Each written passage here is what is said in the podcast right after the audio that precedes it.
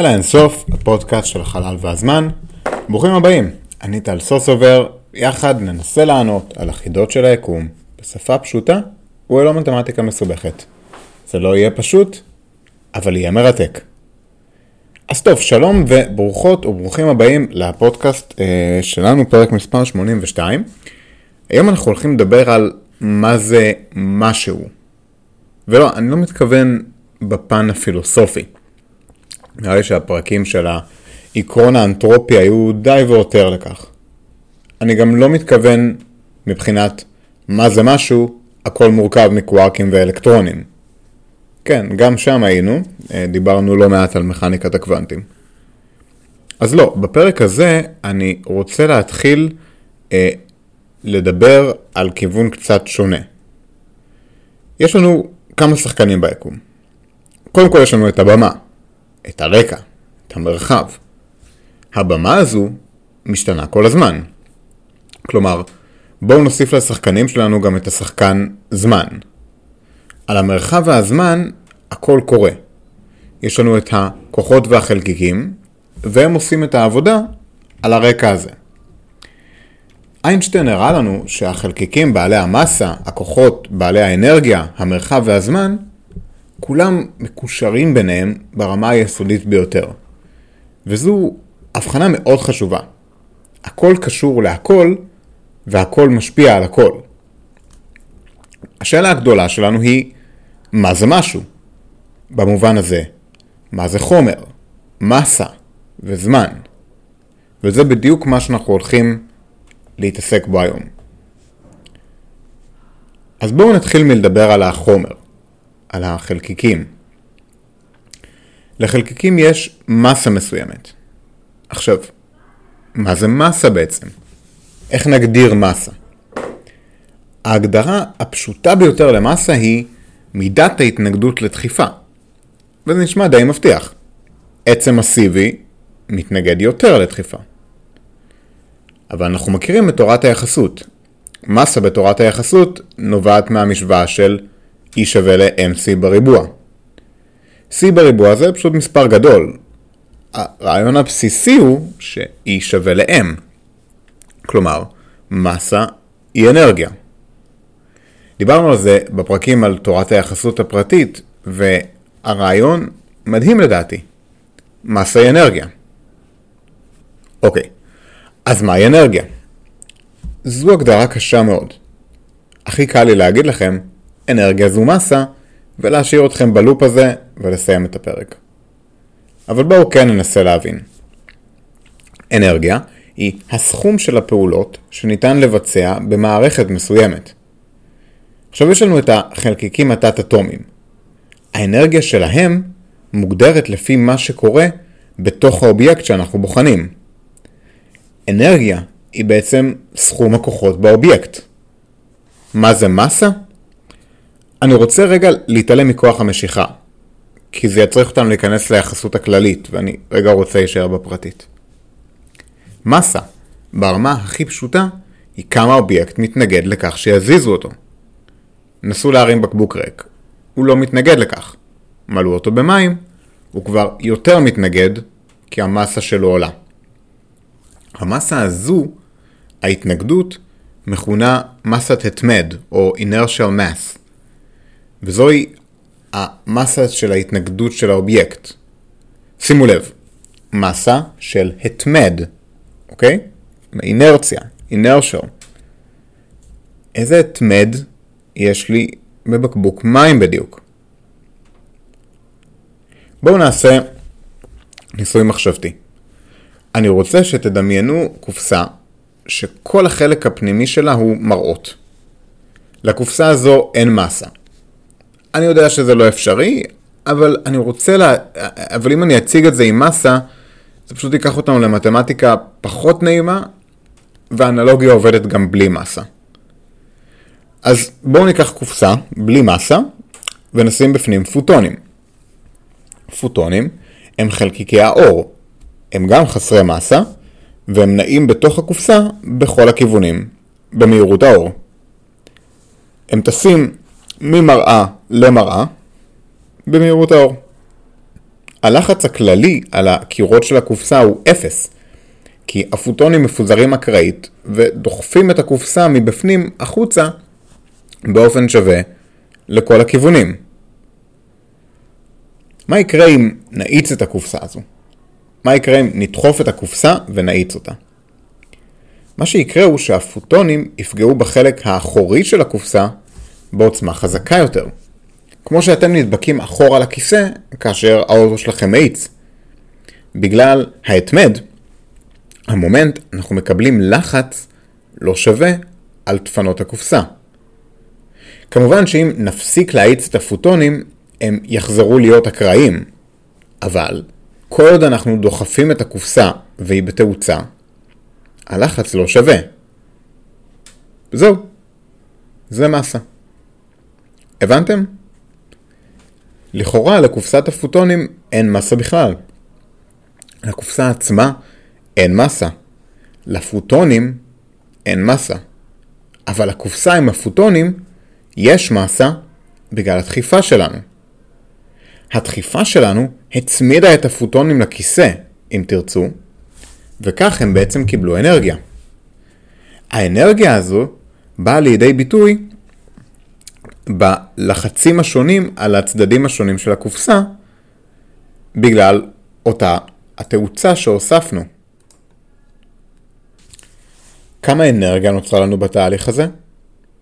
נורא פשוט. E שווה ל-mc בריבוע.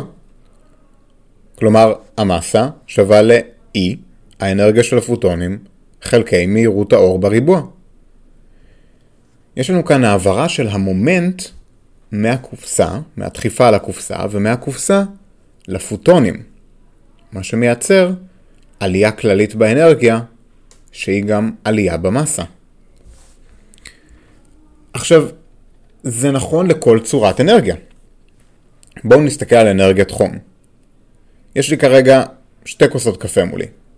אחת חמה ואחת קרה. אני רוצה לטעון שכוס הקפה החמה היא בעלת יותר מסה מכוס הקפה הקרה. למה? כי בכוס הקפה החמה יש יותר אנרגיה מבכוס הקפה הקרה. אפשר לתאר את זה ככה. מה יותר קל לחמם בעוד מעלה אחת?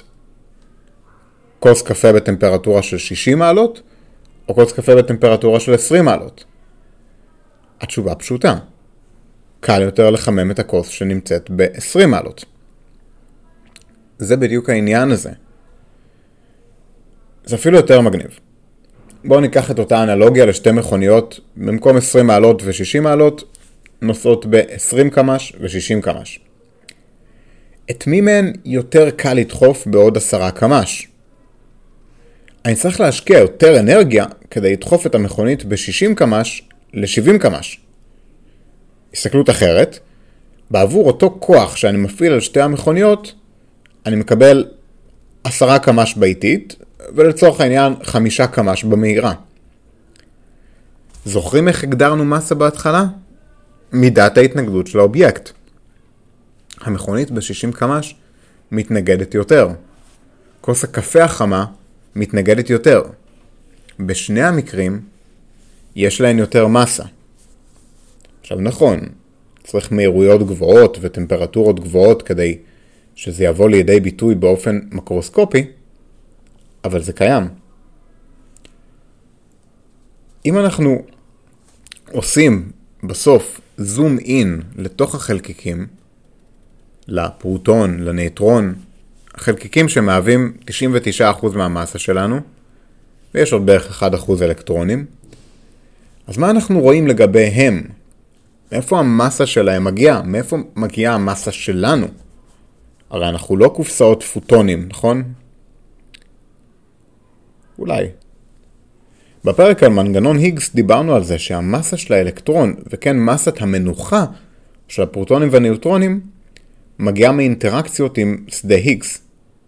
זה נושא שלם שלא נוכל להיכנס אליו עכשיו, אבל הגדרנו את זה כמו קזינו במרכאות, שכל החלקיקים נמצאים בו עם היגס, והיגס שם עליהם חליפה כבדה. משחקים שם באיזה משהו פחות חשוב. המסה הזו היא מסת המנוחה של הכל.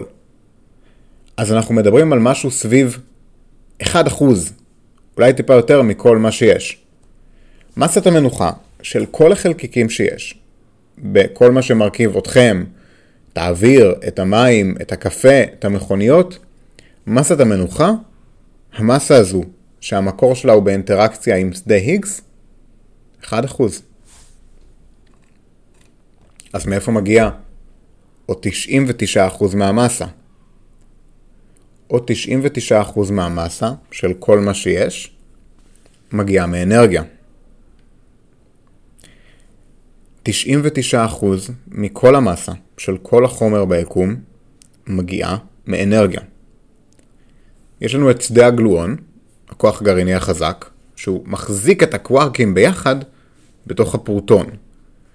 שדה הגלואון דוחס את הקווארקים האלו, והם רוקדים בתוך שדה הגלואון באנרגיה גבוהה מאוד. הדחיסה הזו והלחץ של הקווארקים, כולם אנרגיה. המון אנרגיה. הרבה יותר אנרגיה ממסת המנוחה של הקווארקים. אז נסתכם כרגע שהמסה של כל מה שיש ביקום מגיעה רק משני מקורות. חלקיקים חסרי מסה לחלוטין, שרוקדים בתוך שדה היגס, וכך מקבלים מסה קטנה מאוד, ועוד תוספת מסה רצינית בהרבה עבור ריקוד ודחיסה בשדה של הכוח הגרעיני החזק, שדה הגלואונים. זה גם נכון במידה מסוימת לכוח החלש, בוזונים W ו-Z.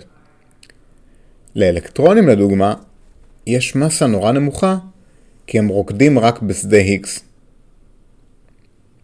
אתם מבינים? אתם כמעט אך ורק אנרגיה. לא, סליחה, טעיתי. אתם לא כמעט אנרגיה. אתם 100% אנרגיה. 1% מהמסה שלכם עם האנרגיה של הריקוד של החלקיקים בשדה היגס, ועוד 99% מהמסה, בעיקר מהריקוד בשדה הגלואונים. שימו לב, מסה היא לא תכונה בסיסית של חלקיקים. כשאנחנו מנסים להבין מה זה משהו, אנחנו צריכים להבין שמסה היא לא מאפיין של המשהו הכי יסודי. מסה, זה נראה כל כך אלמנטרי, אבל זה בסך הכל הסך של פעולות החלקיקים חסרי המסה, יחד עם שדות חסרות מסה, כמו שדו הגלואון, שפשוט רוקדים ביחד, נתקלים אחד בשני, נדחסים ומתנגדים לתאוצה. כל העסק הזה מייצר אנרגיה, E שווה MC בריבוע, וכן, זו מסה. האנרגיה של החלקיקים חסרי המסה והשדות חסרי המסה זו המסה. עכשיו המסה הזו, שהיא כאמור לא תכונה יסודית של הטבע, גורמת לעוד משהו. מסה היא לא רק כמה אובייקט מתנגד לדחיפה, אלא גם מאפיין חשוב של כוח המשיכה. ברגע שלאובייקט יש מסה, ברגע שיש לו סך של אנרגיה שנוצרת מהריקוד בין השדות השונים, אנחנו מקבלים מיד גם כוח כבידה. לכל חלקיק, לכל דבר, יש כוח כבידה. עכשיו, היא חלשה מאוד בעבורנו ובעבור אובייקטים קטנים, אבל בעבור אובייקטים גדולים כמו כדור הארץ או השמש, היא כל כך חזקה שבמשך אלפי שנים לא ידעו על הכוחות האחרים בכלל. אז מה הקשר בין המכוניות שאנחנו מנסים להאיץ בעוד עשרה קמ"ש לכוח המשיכה? פה אנחנו צריכים לפתוח את תורת היחסות הכללית של איינשטיין. תורת היחסות מציגה את עיקרון השקילות. הרעיון הוא שלהיות בתאוצה, לדוגמה, להידבק אחורה לכיסא של המכונית שמאיצה, זה בדיוק אותו הדבר, אותו הכוח של השדה הכבידתי, שנוצר בגלל עיוות המרחב על ידי כדור הארץ.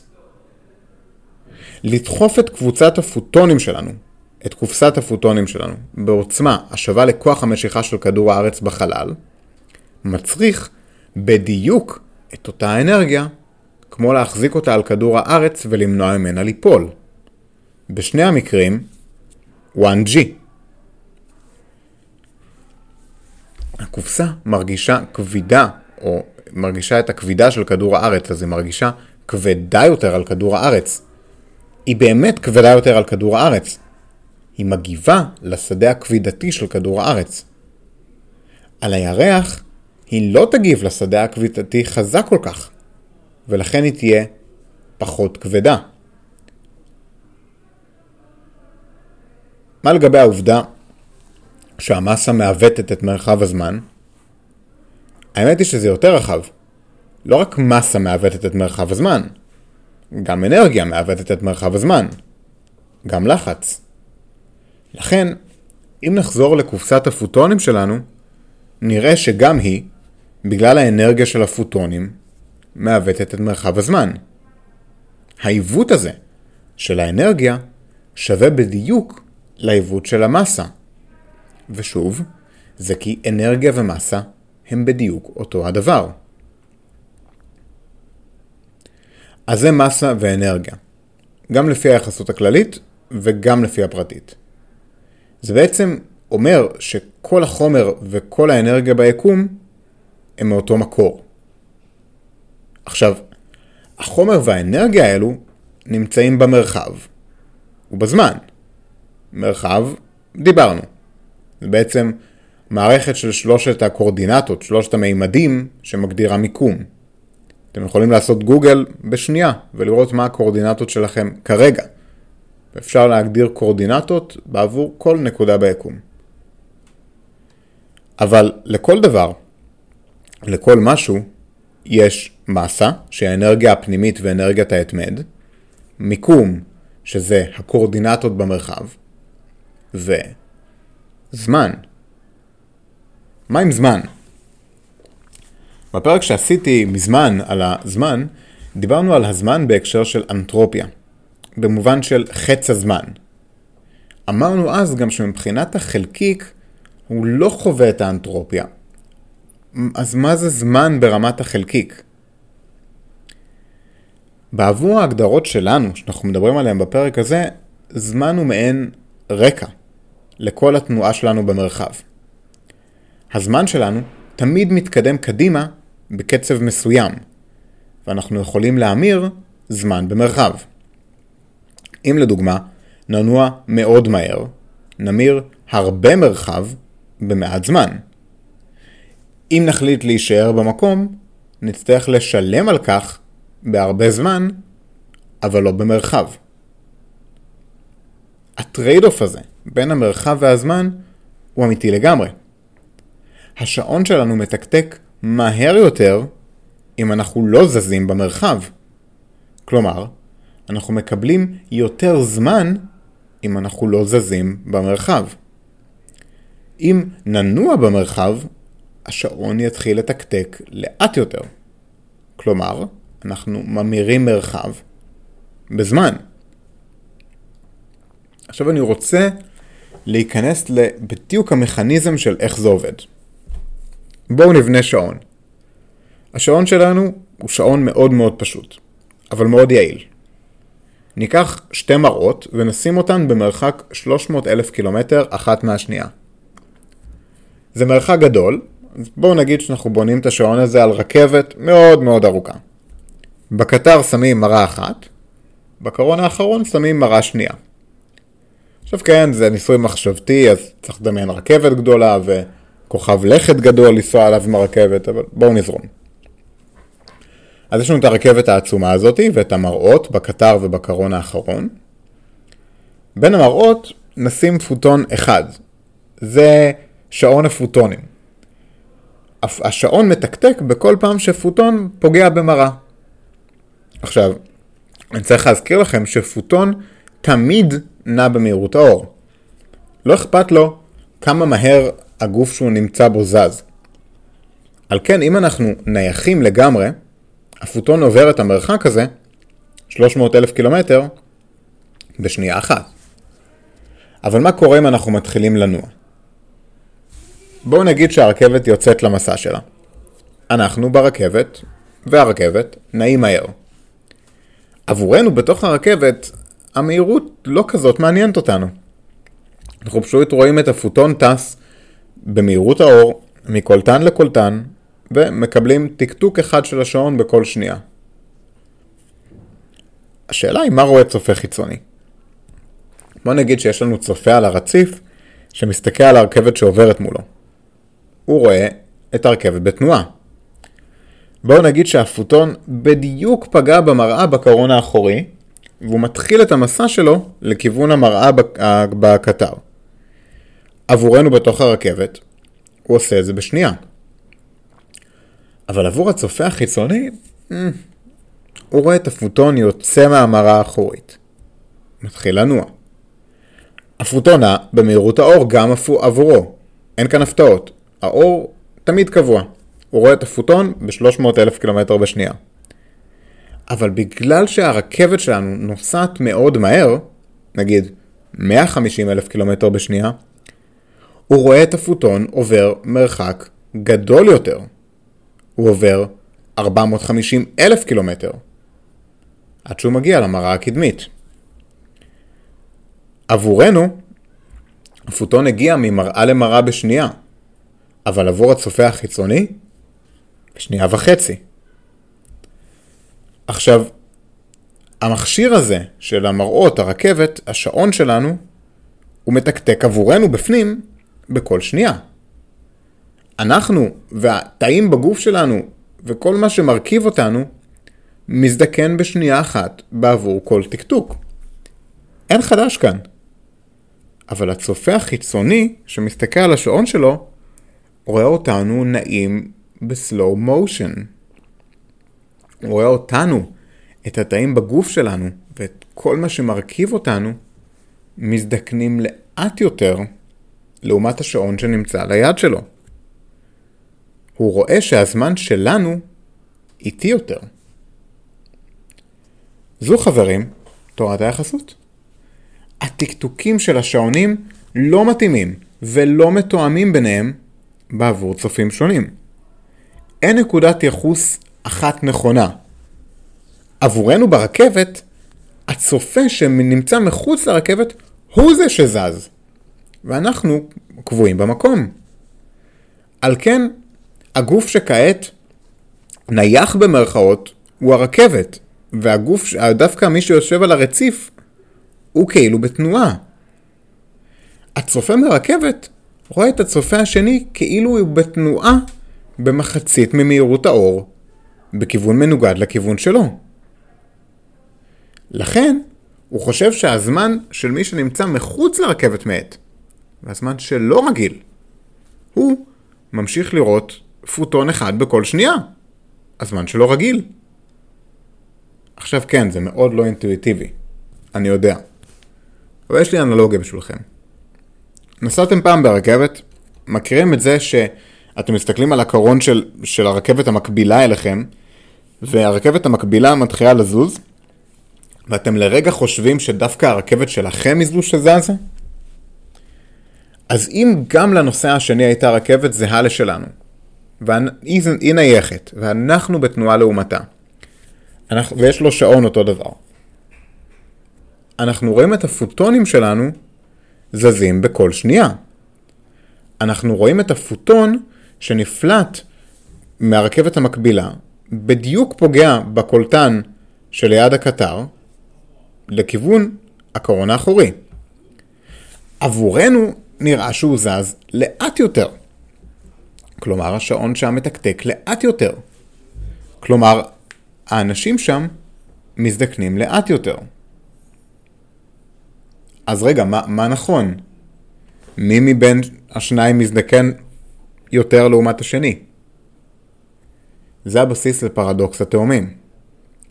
בואו נניח שבכל רכבת יש תאום. אחד ברכבת הנייחת ואחד ברכבת שבתנועה. ברכבת הנייחת רואים את השעון של הרכבת בתנועה כאילו הוא איטי יותר, ולהפך. בואו נגיד שהרכבת שבתנועה סיימה את המסע שלה והיא רוצה לעצור. התאום שברכבת שנוסעת מסתכל על עצמו, הוא בן 20. הוא מסתכל החוצה, האח שלו בן 30. האח בחוץ, הוא רואה אותו דבר. הוא בן 20, אבל האח שלו ברכבת, ברכבת שבתנועה בן 30. אז מה קורה כשהם נפגשים? זה פרדוקס אטומים. עכשיו, אין דבר כזה פרדוקס במציאות. יש פתרון לפרדוקס.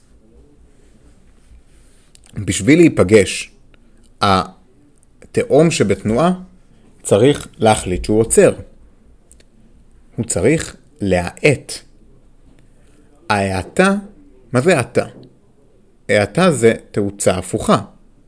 כלומר, תאוצה לכיוון השני מכיוון התנועה. אם הרכבת נוסעת 150 כמה, אה, קילומטר בשנייה צפונה, הוא מאיץ דרומה בשביל להאט את הרכבת. השינוי הזה במהירות של הרכבת הוא תאוצה. כשאנחנו בתאוצה, אנחנו חווים פחות זמן. ולכן כשהם עוצרים ונפגשים, התאום שהיה בתנועה רואה את האח שלו מזדקן מול עיניו במשך כל ההאטה שלו מגיל 20 לגיל 30. הוא נשאר בן 20. השעון שלו חווה פחות זמן. ההשוואה בין השעונים נעשתה באמצעות פעולת ההאטה של הרכבת. על כן, זה לא משנה בכלל מי בתנועה ומי לא בתנועה. אכפת לנו רק מהיחס בין שני צופים. זוהי חברים, תורת היחסות. וזה זמן. זמן הוא לא משהו גלובלי. זמן מוגדר באופן מקומי עבור הצופה המקומי, והוא משתנה, בהכרח. מה מגדיר את הזמנים של צופים שונים? בואו נראה איך מדדנו זמן. מדדנו זמן באמצעות חלקיקים חסרי מסה, פוטונים. שימו לב, ראינו בתחילת הפרק שהכל מורכב מחלקיקים חסרי מסה, שנעים בשדות. על כן, אנחנו יכולים להסתכל על חלקיקים התת-אטומיים, ואנחנו רוצים לראות גם את השדות, ואת כל המשחקים שלהם עם הכוחות. מה אנחנו רואים שם? בואו נסתכל לדוגמה על קווארקים ואלקטרונים. כל אטום שלנו בגוף הוא סוג של שעון על הרכבת. יש לו אינטראקציות בין החלקיקים התת-אטומיים עם שדות של כוחות ועם חלקים אחרים. כל אינטראקציה כזו מובילה לשינוי במצב האנרגיה, במטען החשמלי ובעוד מאפיינים, שמשנים את האובייקט עצמו.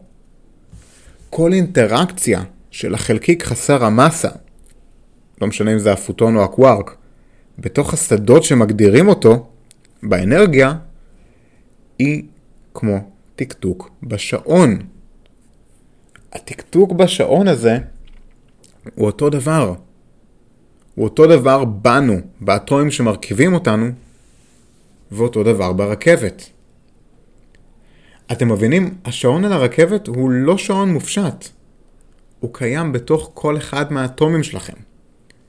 הטקטוק של החלקיקים, התת-אטומים והריקודים שלהם לא רק יוצרים את המסה של הכל, אלא גם מגדירים את קצב זרימת הזמן. אפשר להסתכל על כל מה שיש, כל החומר, כל דבר, כאין ספור שעונים קטנטנים, שנעים בהם חלקיקים במהירות האור, ומתקתקים את השעונים האלה. המהירות והאנרגיה של החלקיקים, וכן גם המסה שלהם, מגדירים את נקודת הייחוס שלהם. כלומר, מגדירים את המסה שלהם, אבל גם את ההתקדמות שלהם בזמן. זוהי, חברים, תורת היחסות. וזה בעצם המקור למה זה משהו. הכל זה חלקיקים תת-אטומיים, חסרי מסה, שנעים בתוך שדות באנרגיה גבוהה, וכך נוצרת מסה. הטקטוקים האלו בשדות הם מה שנותן את הדרור להתקדמות הזמן בעבור החלקיקים. וזה מדהים לחשוב על תורת היחסות הפרטית ואיך היא עובדת בתוך כל אחד מהתאים שלנו וכל אחד מהאטומים שמרכיבים אותנו. כל הזמן. אוקיי חברים, בואו נסכם את הפרק. אז היום היה לנו פרק קצת אה, מיוחד. על מה זה משהו. בעצם אמרתי לכם שלכל דבר ביקום יש בגדול שלושה מאפיינים. כל חומר יש לו מסה, קורדינטות במרחב וזמן. עכשיו, לא נכנסנו למה זה מטען חשמלי, ומה זה ספין, ועוד כל מיני תכונות שיש לחומרים, אלא רק הסתכלנו ברמה הבסיסית ביותר. מה זה מסה, מה זה זמן, מה זה מרחב. אז אני חושב שמה שראינו זה עד כמה המושגים האלו של מסה וזמן הם ממש אותו הדבר. ואיך השעון הפנימי שלנו, שגורם להזדקנות שלנו, באמת לא שונה מהותית משעון הפוטונים ברכבת. ואיך המסה שלנו היא בסך הכל ריקוד של חלקיקים בתוך שדה, באנרגיה. בסוף, המסה היא אנרגיה. הזמן, הזמן הוא גם סוג של אנרגיה, ואני רוצה שתיקחו איתכם מחשבה מהפרק הזה, וזו מחשבה שאני לוקח עם, עם עצמי המון, ואני חושב עליה המון, בעצם אם אנחנו נהיה במקום שאין בו שום דבר עם מסה, רק פוטונים לצורך העניין. הפוטונים לא מרגישים זמן, כי הם חלקיקים בלי מסה במהירות האור. אני רוצה שתנסו לחשוב קצת, ואני עוד באמת חושב על הדברים האלה בעצמי, ועוד קורא על זה, ויש הרבה דברים מעניינים של פנרוז על זה, על מה המשמעות בעצם של להיות בלי מסה שיש רק חלקיקים עם אנרגיה ובלי זמן, אני חושב שזה מחשבות מעניינות לגבי מה הקצב של דברים, ולמה דברים קורים כמו שהם קורים. אבל ברמה הבסיסית, בואו נזכור שכולנו בסוף, כל המסה שלנו, היא אנרגיה. אינטראקציות של חלקיקים חסרי מסה עם שדות של כוח. הכל אנרגיה. הזמן הוא יחסי והוא גם נובע מאנרגיה. הוא תלוי במהירות שלנו, במסה שלנו. זה, זה מרתק, זה מעניין לחשוב על זה, ואני מקווה מאוד שקצת יתערערו לכם היסודות לגבי מה זה משהו ומה הקיום שלנו. תודה רבה רבה לכם על ההקשבה. הפודקאסט של לילה אינסוף הוא יוזמה שלי להנגשת חקר החלל, וכל הדברים, כל המסות והאנרגיות לכולם ולכולן, ללא הבדל גיל, ידע מתמטי, או כל הבדל אקראי אחר, הסקרנות היא של כולנו. אני תמיד שמח לשמוע משוב ולקבל פידבקים, וכן לקבל ולענות על שאלות שלכם. בנוט של הפרק תוכלו למצוא לינקים לעמוד הפייסבוק שלנו, פרטים ליצירת קשר, מוזמנים להיכנס. הפודקאסטים האלו בכל אתרי הפודקאסטים, Apple Podcast, Google Podcast, Spotify, כל מקום, תיכנסו, תנו לנו לייק, תנו review של חמישה כוכבים, חוות דעת טובה, זה מאוד מאוד עוזר להגיע לקהלים חדשים. פרק כמו זה לוקח כמה עשרות שעות של עבודת מחקר, הכנה, הקלטה ועריכה, וכמובן שהפרקים האלו מוגשים עבורכם חינם, ומתוך מטרה אישית שלי להביא את חקר היקום וחקר כל הדברים בתוך האוזניים שלכם. אז אם אהבתם את הפרק, בבקשה שתפו אותו עם אנשים שהם מאוד אנרגטיים, אבל אל תגידו להם שזה אומר שהם מסיביים, אני לא יודע אם הם ישמחו לשמוע. שתפו את זה עם אנשים מסיביים, והסבירו להם שהם בסך הכל מלאים באנרגיה. שתפו עם חברים, שתפו עם הכלב שלכם והחתול, ושוב, עד הפעם הבאה, תודה תודה על ההקשבה. שלכם, טל.